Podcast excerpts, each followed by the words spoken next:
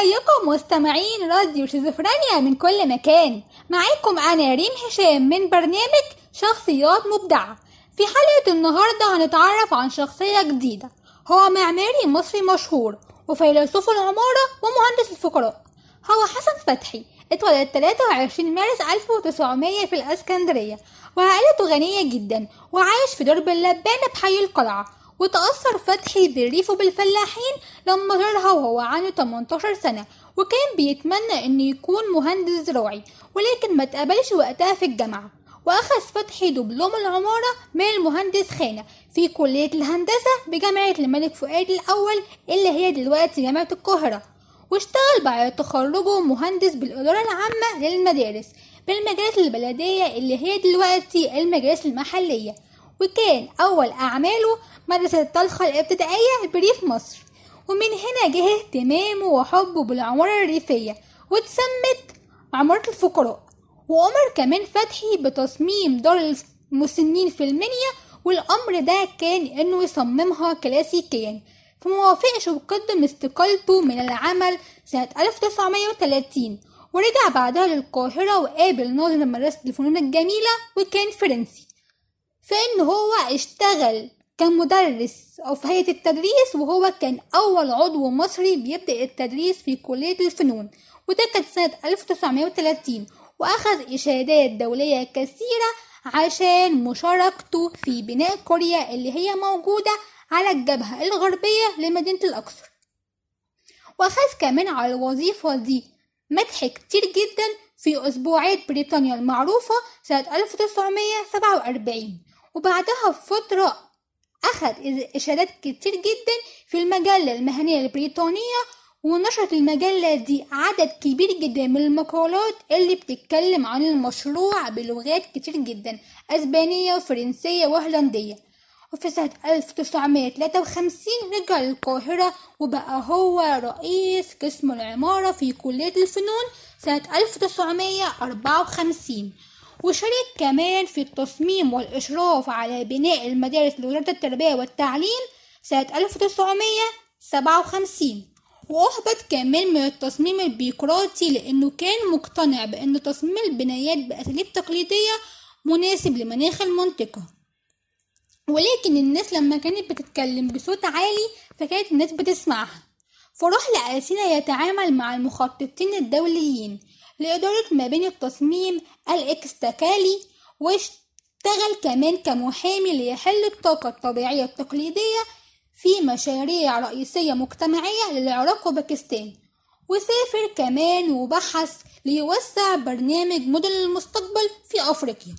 وكل الحاجات اللي عملها دي فما قدرش يهتم أو يدرس العمارة الريفية لأنه كان بيدرس على أساس انتشار العمارة الكلاسيكية. وفي الوقت ده سنة 1946 عين رئيس إدارة المباني المدرسية بوزارة المعارف اللي هي دلوقتي وزارة التربية والتعليم واشتغل فيها من سنة 1949 ل 1952 وكان كمان كخبير لدى منظمة الأمم المتحدة لإغاثة اللاجئين. ورجع ليشتغل في مدرسة الفنون من سنة 1935 ل 1957 واتجوز كمان فيه السيدة عزيزة حسنين أخت أحمد حسنين باشا المستكشف المصري والرحالة وترك مصر سنة 1959 ليعمل في مؤسسة ديكو ساريس للتصميم والإنشاء بأثينا واليونان لسنتين. ورجع بعدها وكان سبب تركه لمصر هو روتين النظام الحكومي.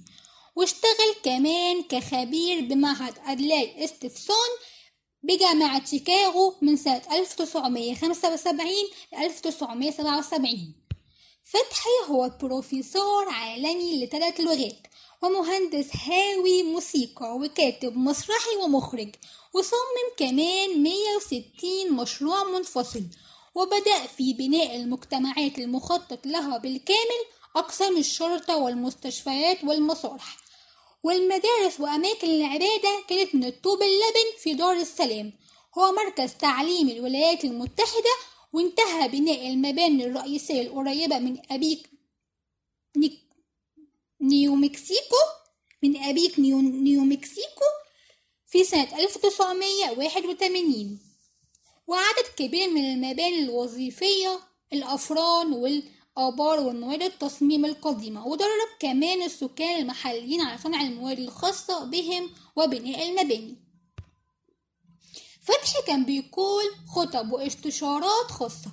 وكان رجل ليه رسالة يوصل بيها عن البحث عن بدائل في الوقود والتفاعلات الشخصية والدعم الاقتصادي وساب أول منصب رئيسي ليه سنة 1969 ليستكمل رحلاته الكثيرة كعضو نقدي رائد في المهنة المعمارية. وكمان أخذ جوائز كتير جدا 1959 أخذ الجائزة الدولية التشجيعية للفنون الجميلة وهي كانت ميدالية ذهبية لتصميمه وتنفيذه قرية القرن الجديدة اللي هي النموذجية بالأكثر وهو كان أول معماري بياخد الجايزة دي. وميدالية وزارة التربية والتعليم أخذها في نفس السنة. و1960 أخذ ميدالية هيئة الآثار المصرية. و1985 أخذ كمان الميدالية الذهبية من المعهد الملكي للمعماريين البريطانيين. و1989 أخذ كمان جائزة برنامج الأمم المتحدة للمستوطنات البشرية. توفى حسن فتحي 30 نوفمبر 1989 وفي مارس 23 2017 احتفلت شركة جوجل بذكرى ميلاد المعماري ال 117 وده في شعار احتفالي خاص ظهر على موقعها المتخصص في البحث في الدول العربية ودولة أمريكا الجنوبية واليابان وكوريا الجنوبية. وقالت كمان جوجل إنه رائد في تقديم نماذج لمباني تحترم تقاليد الأماكن في جميع مناحي الحياة. وبكده تكون انتهت حلقتنا النهاردة. بتمنى تكون عجبتكم. استنوني في حلقة جديدة مع مبدع جديد في برنامج شخصيات مبدعة كانت معاكم أنا ريم هشام. أشوفكم على خير.